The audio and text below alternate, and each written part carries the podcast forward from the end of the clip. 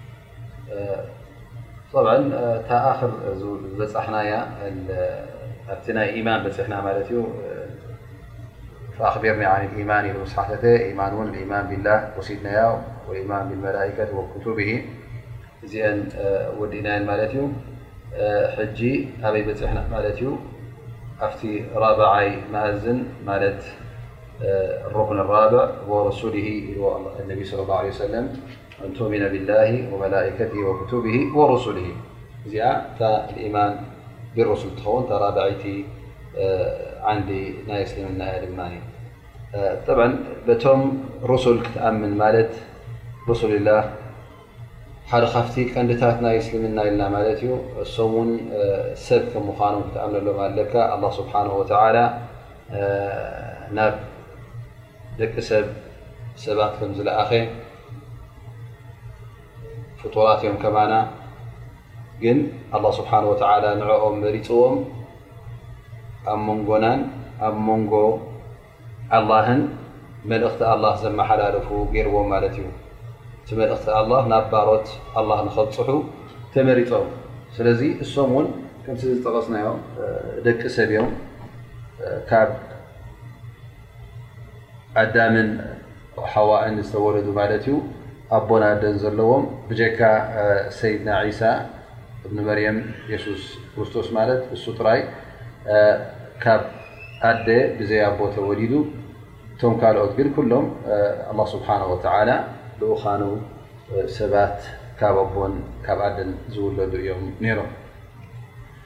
ናይ ነብላ ዒሳ ግን ፍልይ ዝበለ ተኣምር ገይሩ ኣላ ስብሓን ወተላ ካብ መርየም ወይ ማርያም ካብኡ ከም ዝውለድ ገይርዎ ማለት እዩ እቲ ክልእከም ከሎ ድማ ንባሮቱ ስለ ዝራህርሃሎም ራሕማ ኢሉ እዩ ኣላ ስብሓን ወተላ ልኢኹም ምእንቲ ባሮቱ መገዲ ሒዞም ንክኸዱ ቀኒዖም ንክኸዱ ኣላ ስብሓን ወተላ እዚኦም ልኢኹ ማለት እዩ ኣብ መጨረሻ እውን ፅባሕ ንግሆ ንሕናስ ኣይፈለጥናን ንሕናስ ትእዛዝ ኣይተመሓላለፈን ናባና ዝሰማዕና የብልና ንኸይብሉ ኣብ ዮም ቅያማ ኣላ ስብሓን ወተላ ክሓቶም ከሎ እንታይ ጌርኩም እንታይ ተማእዚዝኩም ክበሃሉ ከለዎ ንሕናስ ዝመፀና መልእኽቲ ነበረን ዝሰማዕናዮ መልእኽቲ ነበረን ኢሎም ምእንቲ ከይካትዑ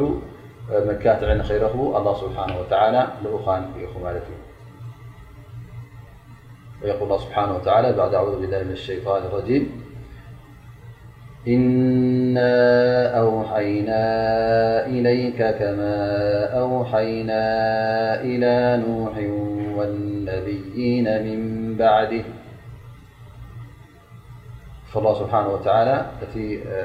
خانون بمن جمير بنبي الله نوح جمير كبدحم نبي م سعنابنبيل محمد صلى الله عليه وسلم ب إلى أن قال الله سبحانه وتعالى رسلا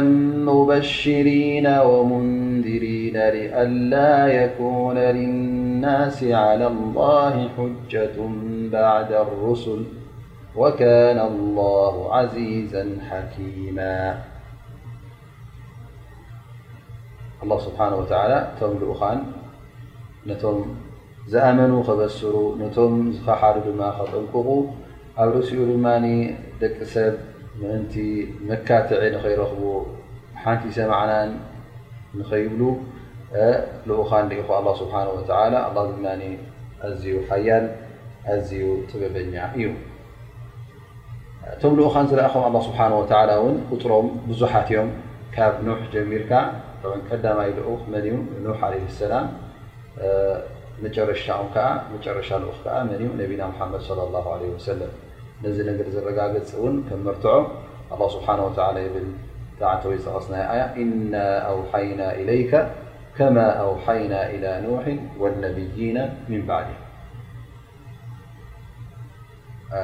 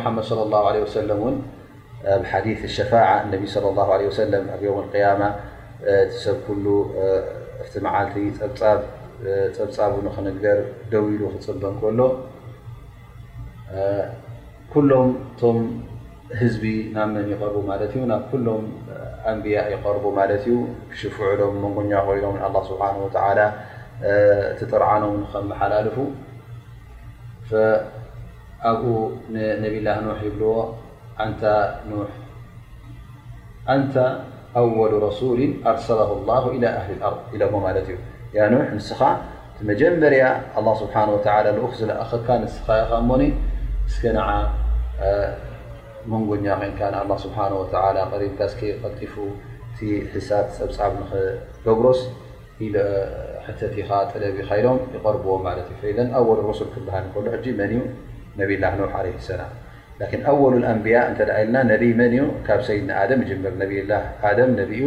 ብድሕኡ ውን ዝመፁ ኣንብያ ነይሮም ስለዚ እቲ ቁፅሮም ከምቲ ዝበልናዮ ብዙሓን እዮም ኣንብያ ይኹኑ ልኡኻን ላኪን ቀዳማይ ልኡኽ ኖሕ ዓለ ሰላም ኖህ ይኸውን ማለት እዩ ናይ መጨረሻ ልኡኽ ከዓ መን እዮ ነቢና መሓመድ ለ ላ ለ ወሰለም ንሱ መደምደምታ ናይ ልኡኻን ገይርዎ ኣላ ስብሓን ወተላ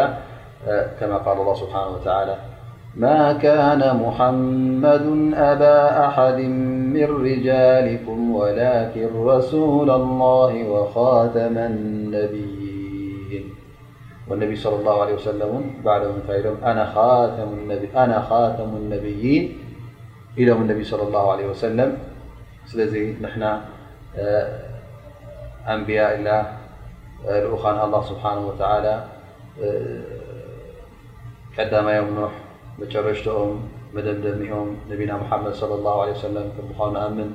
እቶም ኣንብያ ድማ ኩሎም ሓቂ ከም ዘብፅሑ ሓቂ ከም ዝዛረቡ እቲ ኣስማቶም እተረቑሐ እውን በበስማቶም ክንኣምነሎም ኣለና ኣብ ቁርን ኮይኑ ኣብ ሱና ነቢ ሓመድ ስ ሰለም ተጠቕሱ እተ ኣለዉ ኮይኖም እቶም ኩሎም ልኡኻን ክንኣምነሎም ኣለና ማለት ኢና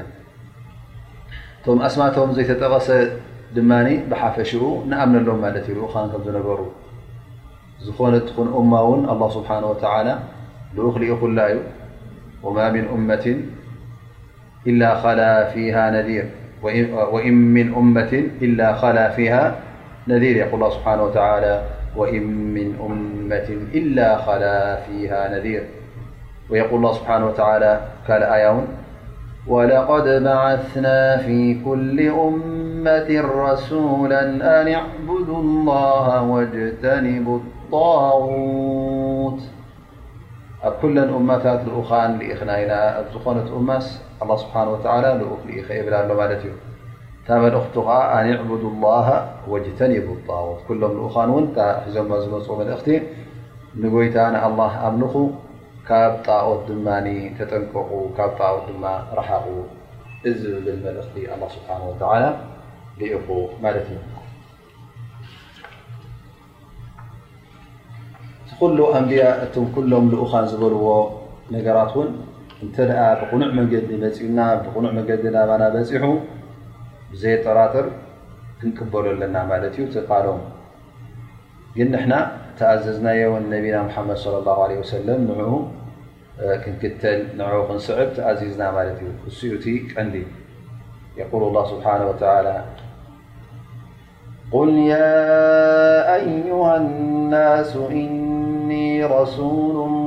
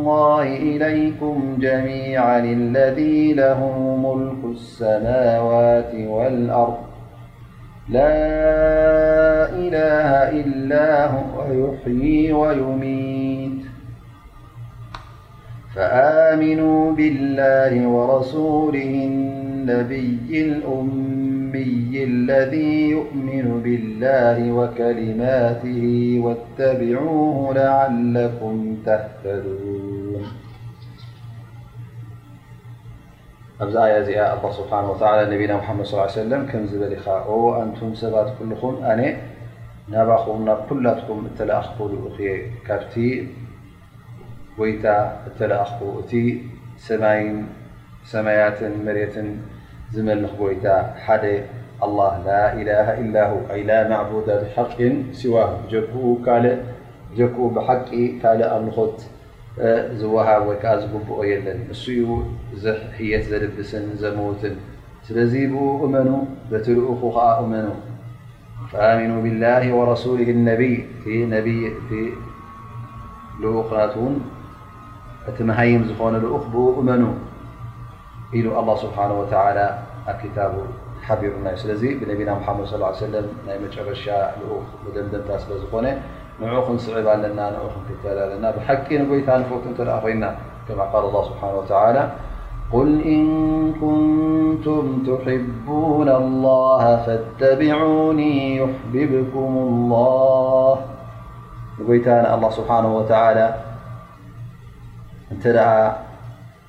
ትፈትዉ ኮይንኩም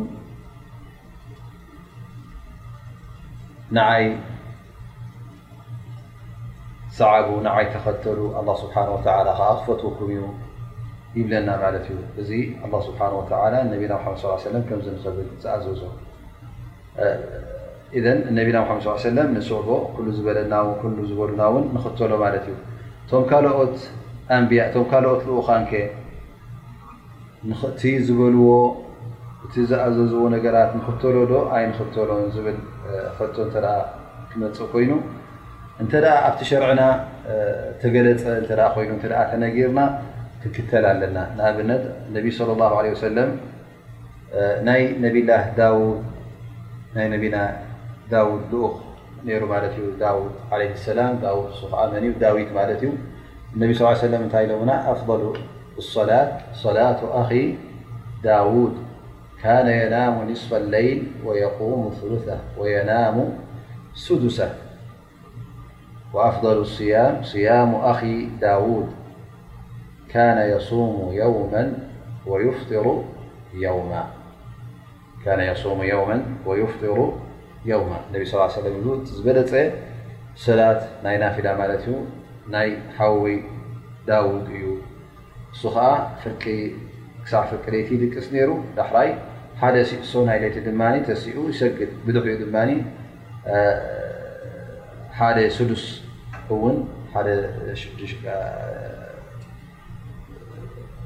ፍርቂ ሲሶ ማለት እዩ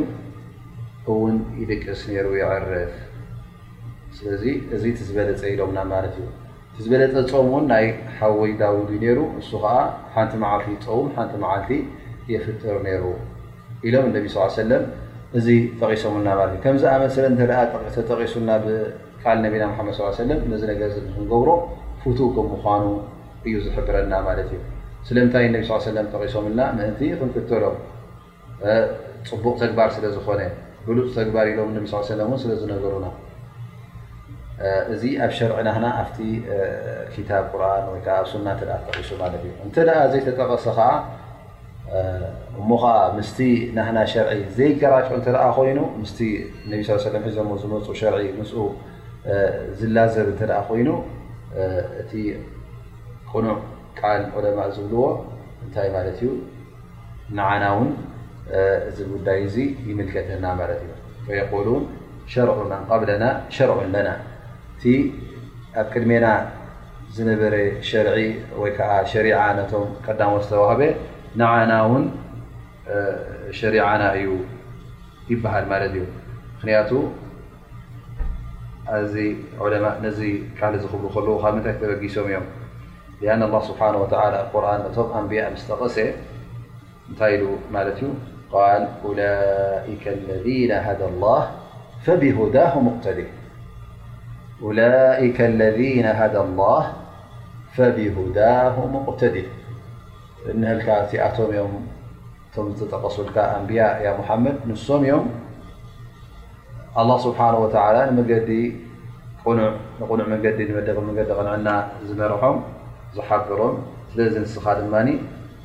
እቲ መገዶም ሰዓቦ ኢኻ መገዶም ተኸተል ኢኻ ስለ ዝበሎም ነቢና ሙሓመድ ስ ሰለም እዚ ሕጂ እንታይ የርእየና ማለት እዩ እቲ ቅድሚ ነቢና ሓመድ ስ ሰለም ዝነበረ ሸርዒ ናይቶም ኣንብያ እውን ንዓና እውን ይምልከተና ከም ምኳኑ እንተ ኣብቲ ሸርዕና ዘይተሓደሰ ዘይተለወጠ እተ ኮይኑ ምስ ዘይገራጮ እንታይ ምስ ዝቃዶ እንተ ኮይኑ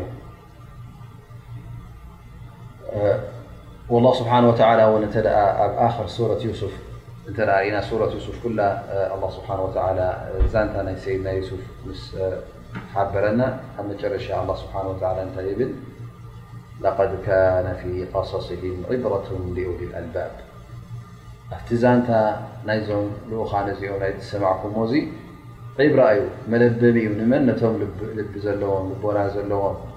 ኢሉና ኣላ ስብሓን ወተላ እዚ እንታይ ማለት እዩ ካብቲ ዝሓለፈ ዛንታስ ክንጥቀም ካብቲ ዝሓለፈ ወረ ናይቶም ኣንብያ እውን መለበሚ ኮይኑናስ ካብኡ ንክንጥቀም ማለት እዩ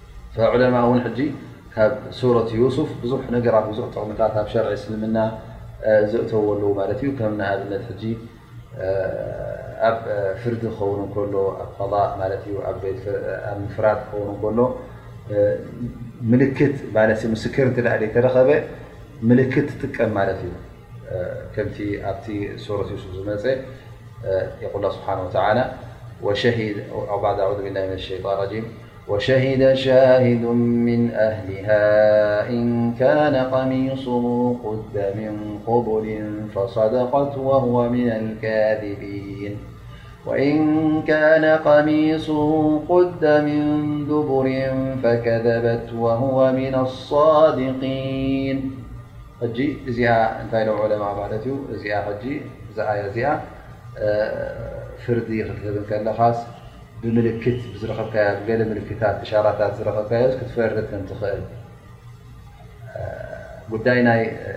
ነቢና ዩሱፍ ዓለይሂ ሰላም ምስታ ሰይቲ ንጉስ ዝነበረ ብዛዕባኡ እዛ ሰብ እዚኣ ምስኡ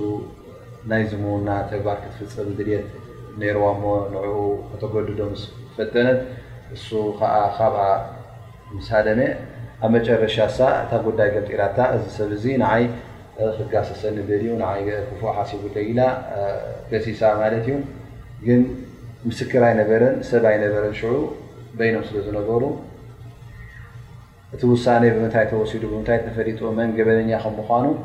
በቲ ቀሚሽ ናይ ዩሱፍ ዓለይሂ ሰላም ምልክት ኮይኑ ማለት እዩ ሕጂ እቲ ንዓኣ ዘመዳ ዝኾነ ወይ ከዓ ቀረባ ዝፈልጥዋ ካብ ስድራ ቤታ ይብል ኻላስ ንሕና ሕጂ እቲ ቀሚሽ ናይ ዩሱፍ ንርኣ እንተ ብቕድሚት ተቐዲዱ ብቕድሚቱ ተቐዲዱ እንተ ኣሎ ኮይኑ ሓቃ እያ ማለት እዩ ንሱ እዩ ገበነኛ እተ ብድሕሪት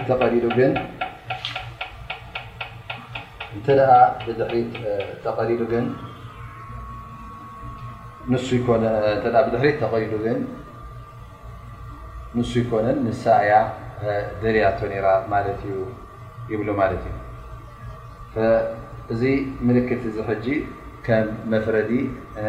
ናይ ሓቂ በየን ከም ምዃኑ ንዕዑ ዘርኢ ይኸውን ማለት እዩ።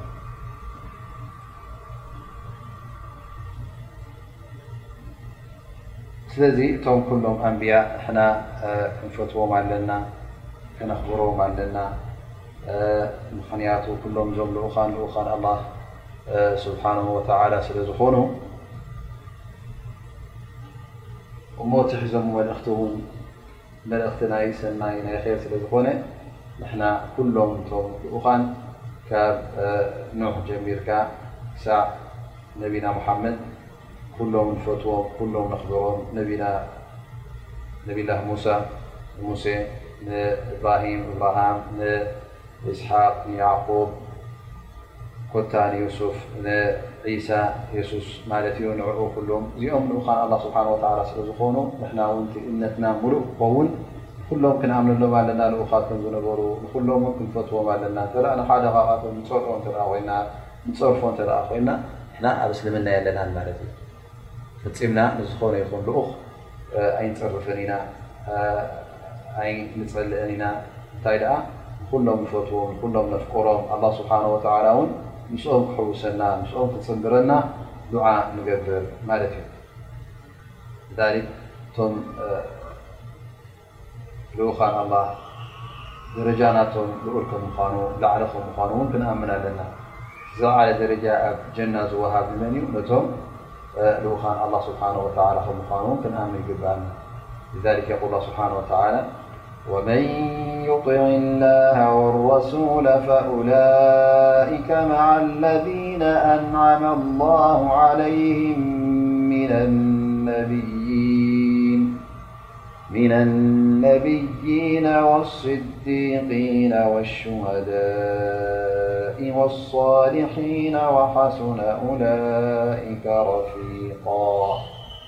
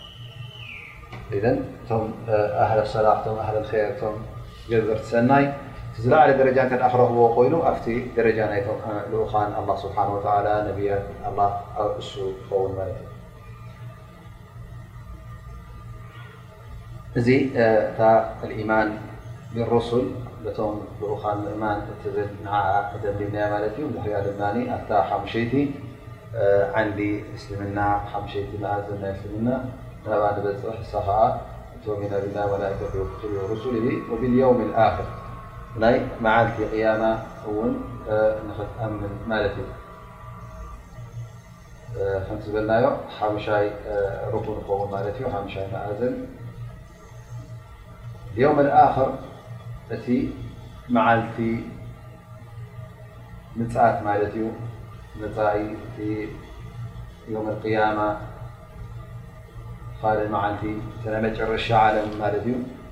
ናይ መጨረሻ ዓለም ወይ ከዓ ናይ መጨረሻ መዓልቲ ዘሎ ንኡ ክንኣምነሉ ኣለና ማለት እዩ ድሕሪኡ እውን መዓልቲ ስለ ዘየለያ ናይ መጨረሻ ይስመ ማለት እዩ ወዲ ሰብ እውን በርባዕተ መድረኽ ሓሊፉ ማለት እዩ ቀዳም ማይ መድረኹ ኣብ ማህፀን ኣዲኡ እንከሎ ዳሕራይ ካብ ማህፀን ኣዲኡ ወፂኡ ካልኣይ መድረኽ እውን ኣብ ኣዱንያ ይነብር ሳልሳይ መድረኽ ድማ መድረኽ ናይ በርዘኽ ይብልዎ እሱ ከዓ ኣብ ቀብርኻን ኣብቲ ቅድሚ ዮመልቅያማ ዘሎ ግዜ ተሕልፎ ማለት እዩ ራብዓይ መድረኽ ድማ መድረኽ ናይ መዓልቲ ምፅኣት ይኸውን ናይ ዮመልቅያማ እሱ ከዓ ናይ መጨረሻ ቦታኻ ትሕዘሉ ይኸውን ሽዑ ድማ እቶም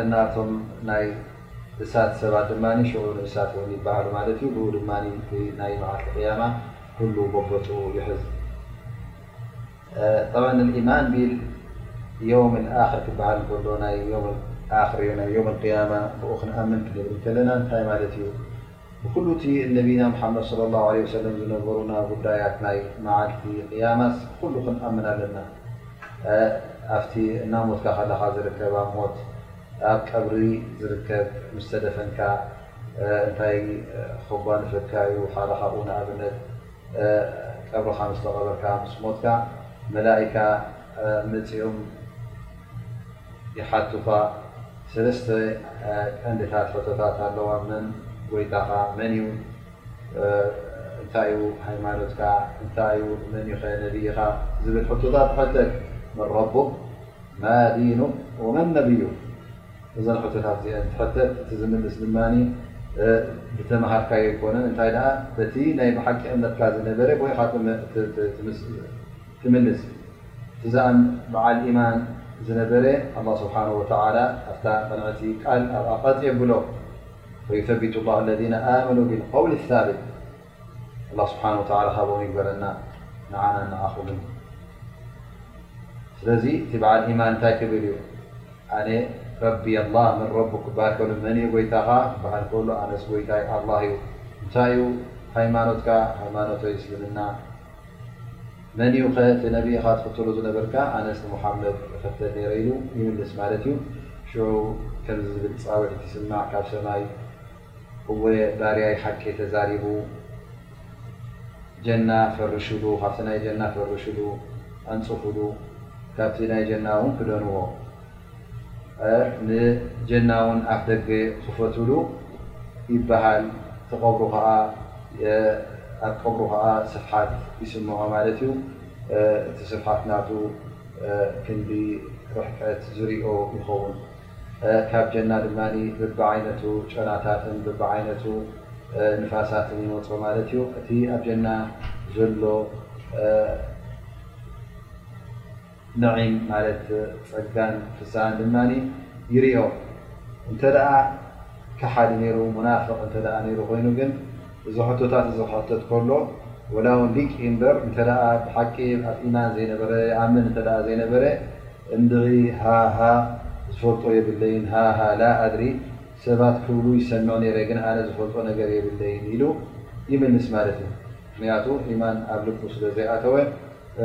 ናይ መልሓስ ኢማን እውን እንተ ነይርዎ ኮይኑ ማለት ወላ ሙናፍቅ ነይሩ ይኹን እዚ ሰብ እዚ ወላ ሓንቲ ኣይክጠቕሞን እዩ ወላ ብኣዱንያ እንተ ኣነ በዓል ኢማን እየ ዝብል ነይሩ ኮይኑ እሞ ኸዓ ዝተማሃሮ ነገራት ነይሩ ኮይኑ እዚ ኩሉ ኣይክጠቕሞን እዩ እንታይ ደኣ እታ ኢማን ብሓቂ ኣብ ልቢ እንተ ዘይተሰቖረት ሽዑ ኣብቲ ሕቶ ክትምልስ ኣይትኽእልን ኢኻ።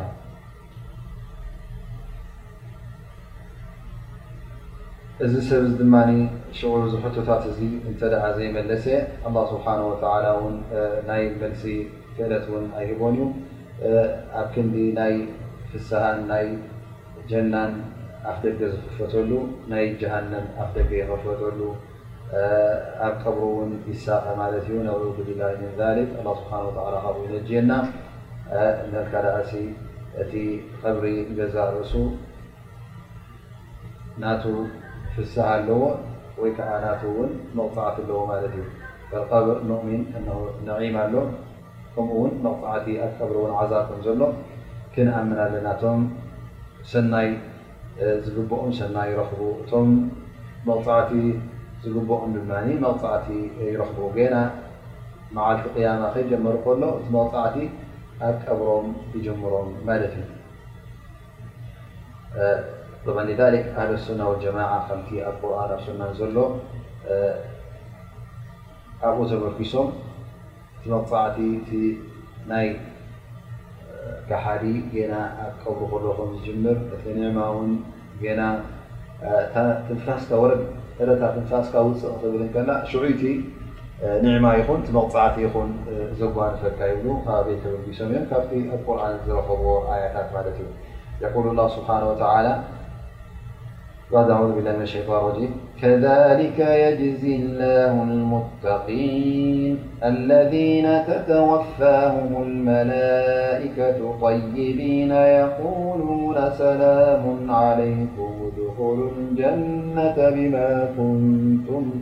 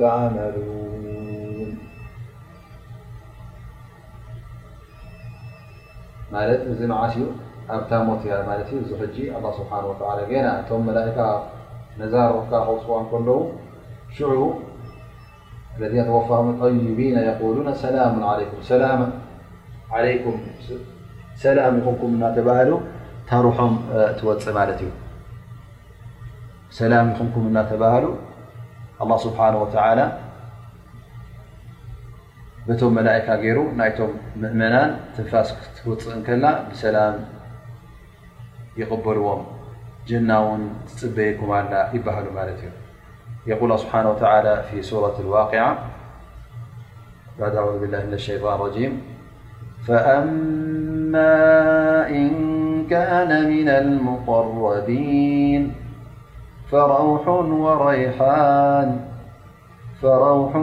ወረይሓኑ ወጀነቱ ነዒም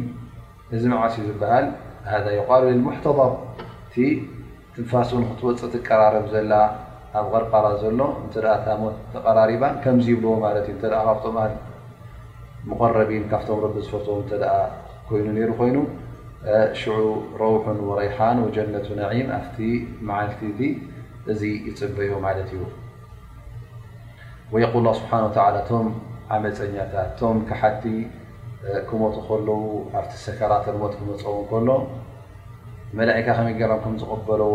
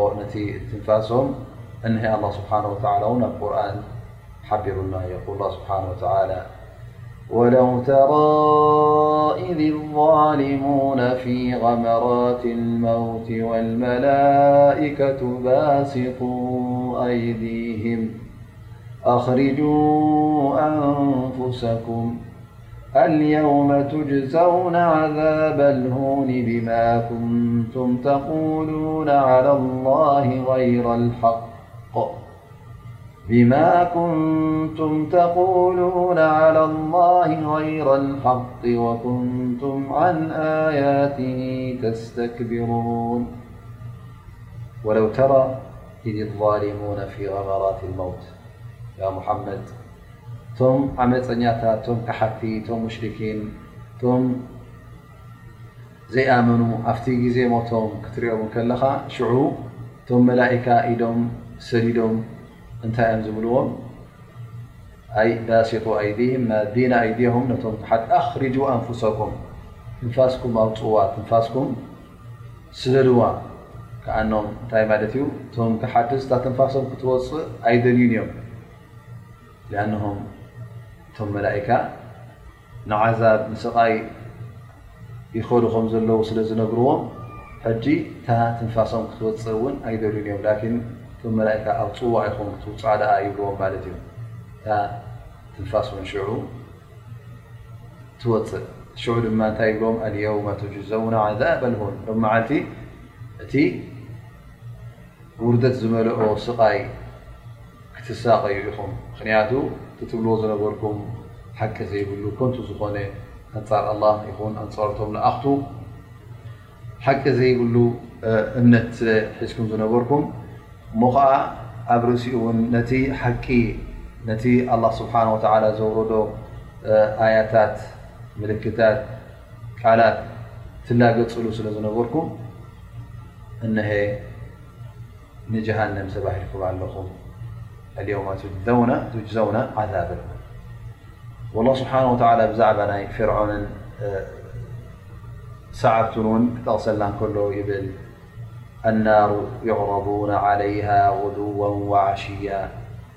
ويوم تقوم الساعة أدخلوا آل فرعون أشد العذاب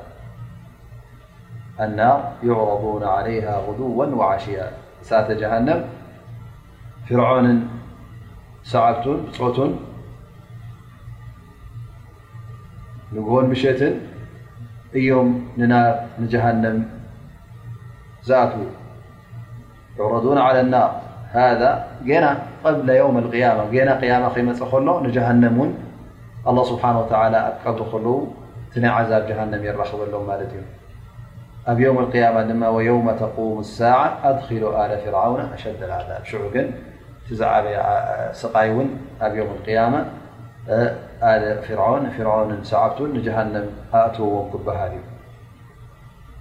ግን እቲ ክንፈልጦ ዘለና እዚ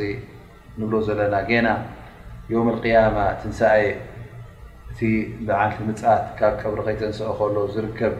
ስቓያት ኣብ ቀብርኻ ኣብ በርዘኽ ማለት ሓያት ኣልበርዘኽ ጌና ምስ ሞትካ ዮም ኣልቅያማ ከይኮኑ ከሎ እቲ ስቓይ ንብሎ ዘለና እዚ ጉዳይ እዚ ጠብዐን ስቱር ነገር እዩ ንሕና ብዓይንና ንሪኦ ኣይኮነን ንሰምዖ ነገር እውን የብልናን ላኪን ኣላህ ስብሓን ወተላ እዚ ነገር እዚ ከም ዝርከብ ስለ ዝጠቐሰልና ነቢና ሙሓመድ ለ ላ ለ ሰለም ን ስለ ዝነገሩና ግዴታ እዚ ስቓይ እዚ እዚ መቕፃዕቲ እዚ ከም ዘሎ ክንኣምን ኣለና በል ኣብ ሓዲ እንተ ርኢና እንተ እቲ ክሓዲ ሕቶ ምስ ተሓተተ እቲ ሕቶ ዘይመለሰ እውን እቶም መላእካ ብ ሓጺን ገይሮም ከም ዝሃርምዎ ከም ማዶሻ ዝመሰለ ወይ ከዓ ከም ማስ መህረሚ ብሓጺን ገይሮም ከም ዝሓርምዎ እሞ ከዓ ሓያል ድምፂ ከም ዘድምፅ ኣውያት ከም ዘእዉ እውን ነቢይ ስለ ላሁ ለ ሰለም ነጊሮምና እዮም ል ፈየሲሑ ሰይሓተ የስማዑሃ ኩሉ ሸይ ኢለ ልእንሳን ነቢ ስ ሰለም ይብሉ ወለው ሰሚዐሃ ልእንሳን ለሰዐቅ ማለት እዚ መቕፃዕቲ ዝቕፃዕ ከሎ ቀብሩ እቲ ዘእውዮ ኣውያት ከሓዲ ሰብ ይሰምዑ ነይሩ ተዝኸውን ኩሉ ሰብ ኣብኡ ከሎ በዚ ድምፂ እዙይ ምወደቐ ነይሩ።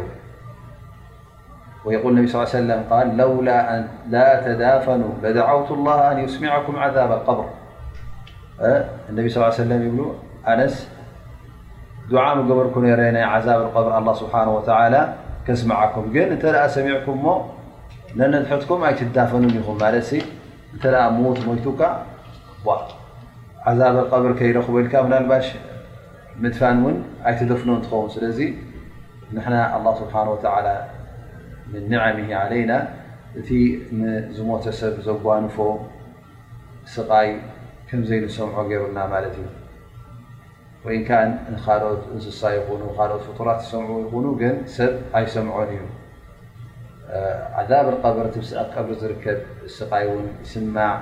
ወይ ከዓ ይፍለጥ ነይሩ ወዲ ሰብ ክፈልጦ ዝኽእል ነይሩ እንተዝኸውን እዚ ቀዳማይ ነገር እቲ ሰብ ገና ዮም ቅያማ ከይመፀ ከሎ በዓል እከይ ኣብ ቀብሩ እንከሎ ቁፃዕ እንተ ተሰሚዑ ዓብይ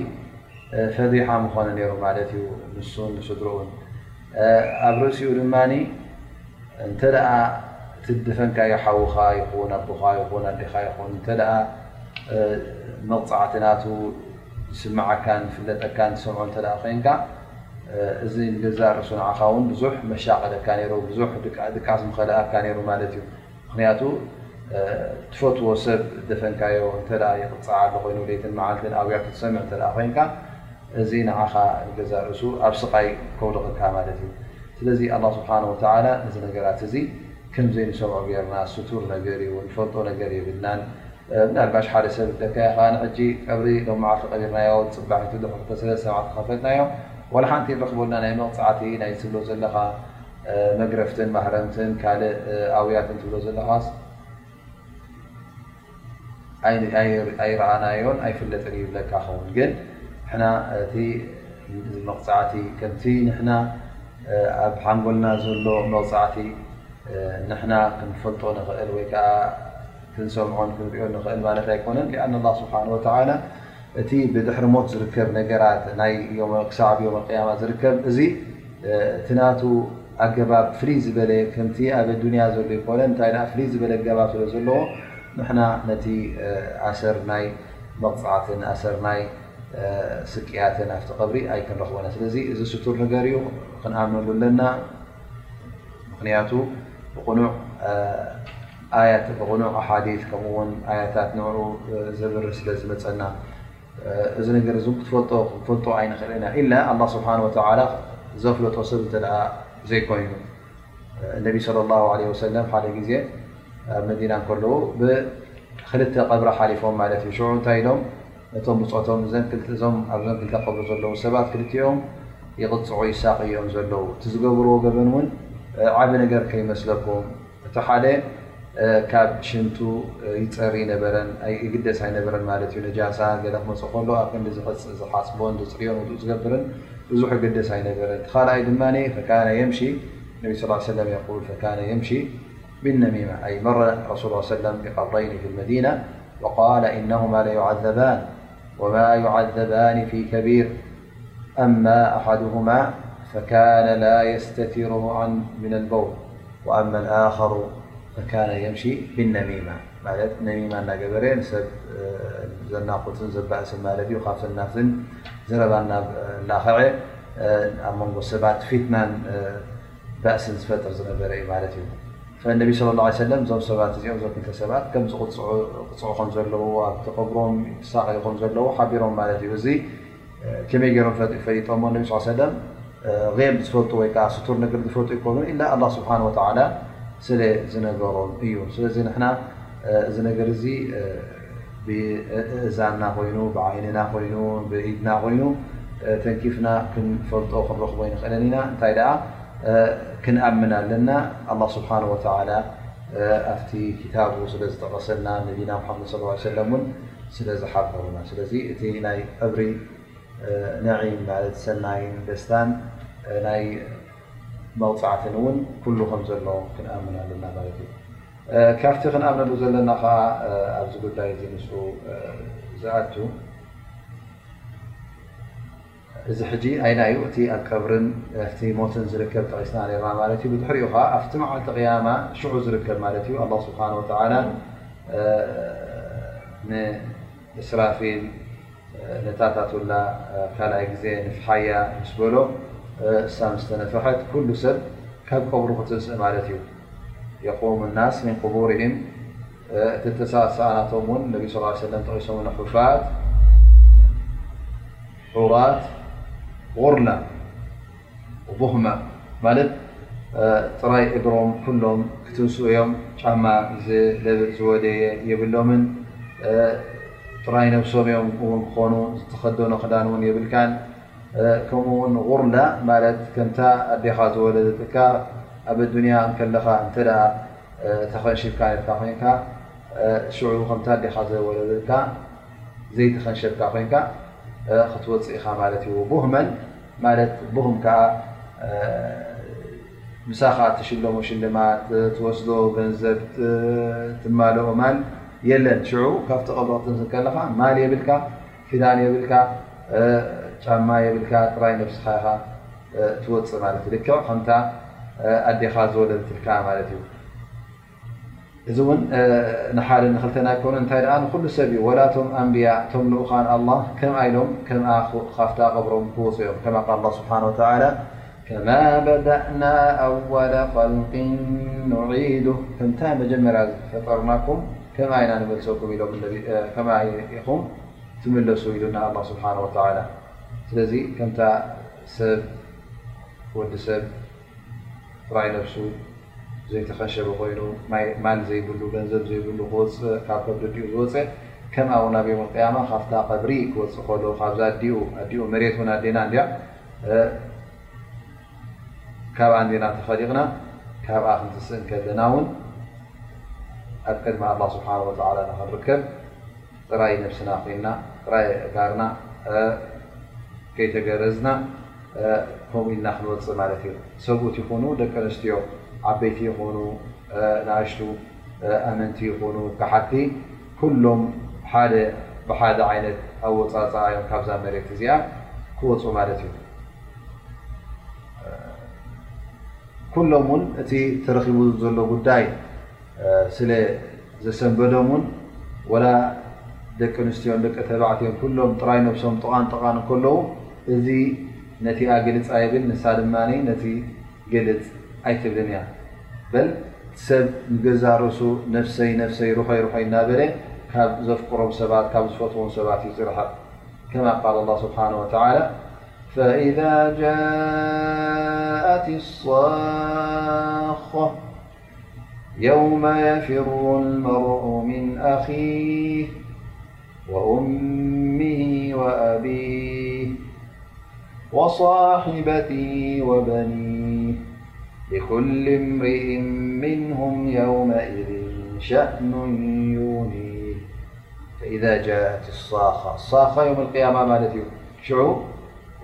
ሰብ ካብ ሓዉ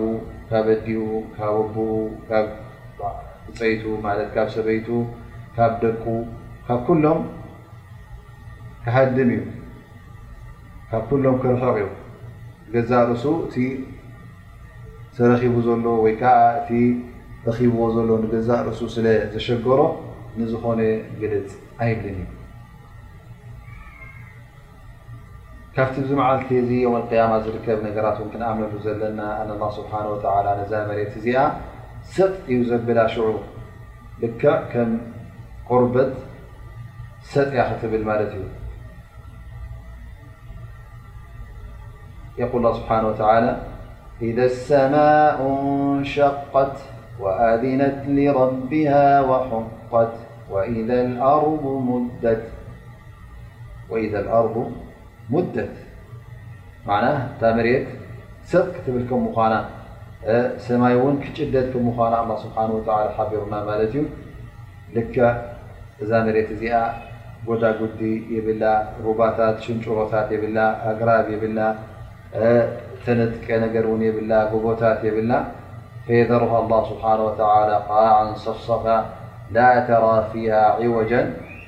ወላ ኣንታ እዛ መሬት እዚኣ ሰጥ ክትብል እያስ ወላ ጎባጥ ለባጥ ጎቦ ሽንጭሮ እውን ኣይክትርየላን ኢኻ ላ ስብሓን ወተላ ነዛ መሬት እዚኣ እውን ሰጥ ከብላዩ ሰማይ እውን ኣብ ኢዱ ክዓትራ እዩ ኣብ ኢዱ ጠውዩ ጠዋውዩ እውን ክዓትራ ዩ ኣላ ስብሓን ወተላ እዛ ፀሓይ ውን ክትቀርብ እያ ናብ ሰባት ልክዕ ሓደ ሚል ኣብ መንጎኣን ኣብ መንጎ ሰብን ክትከውን እያ እቲ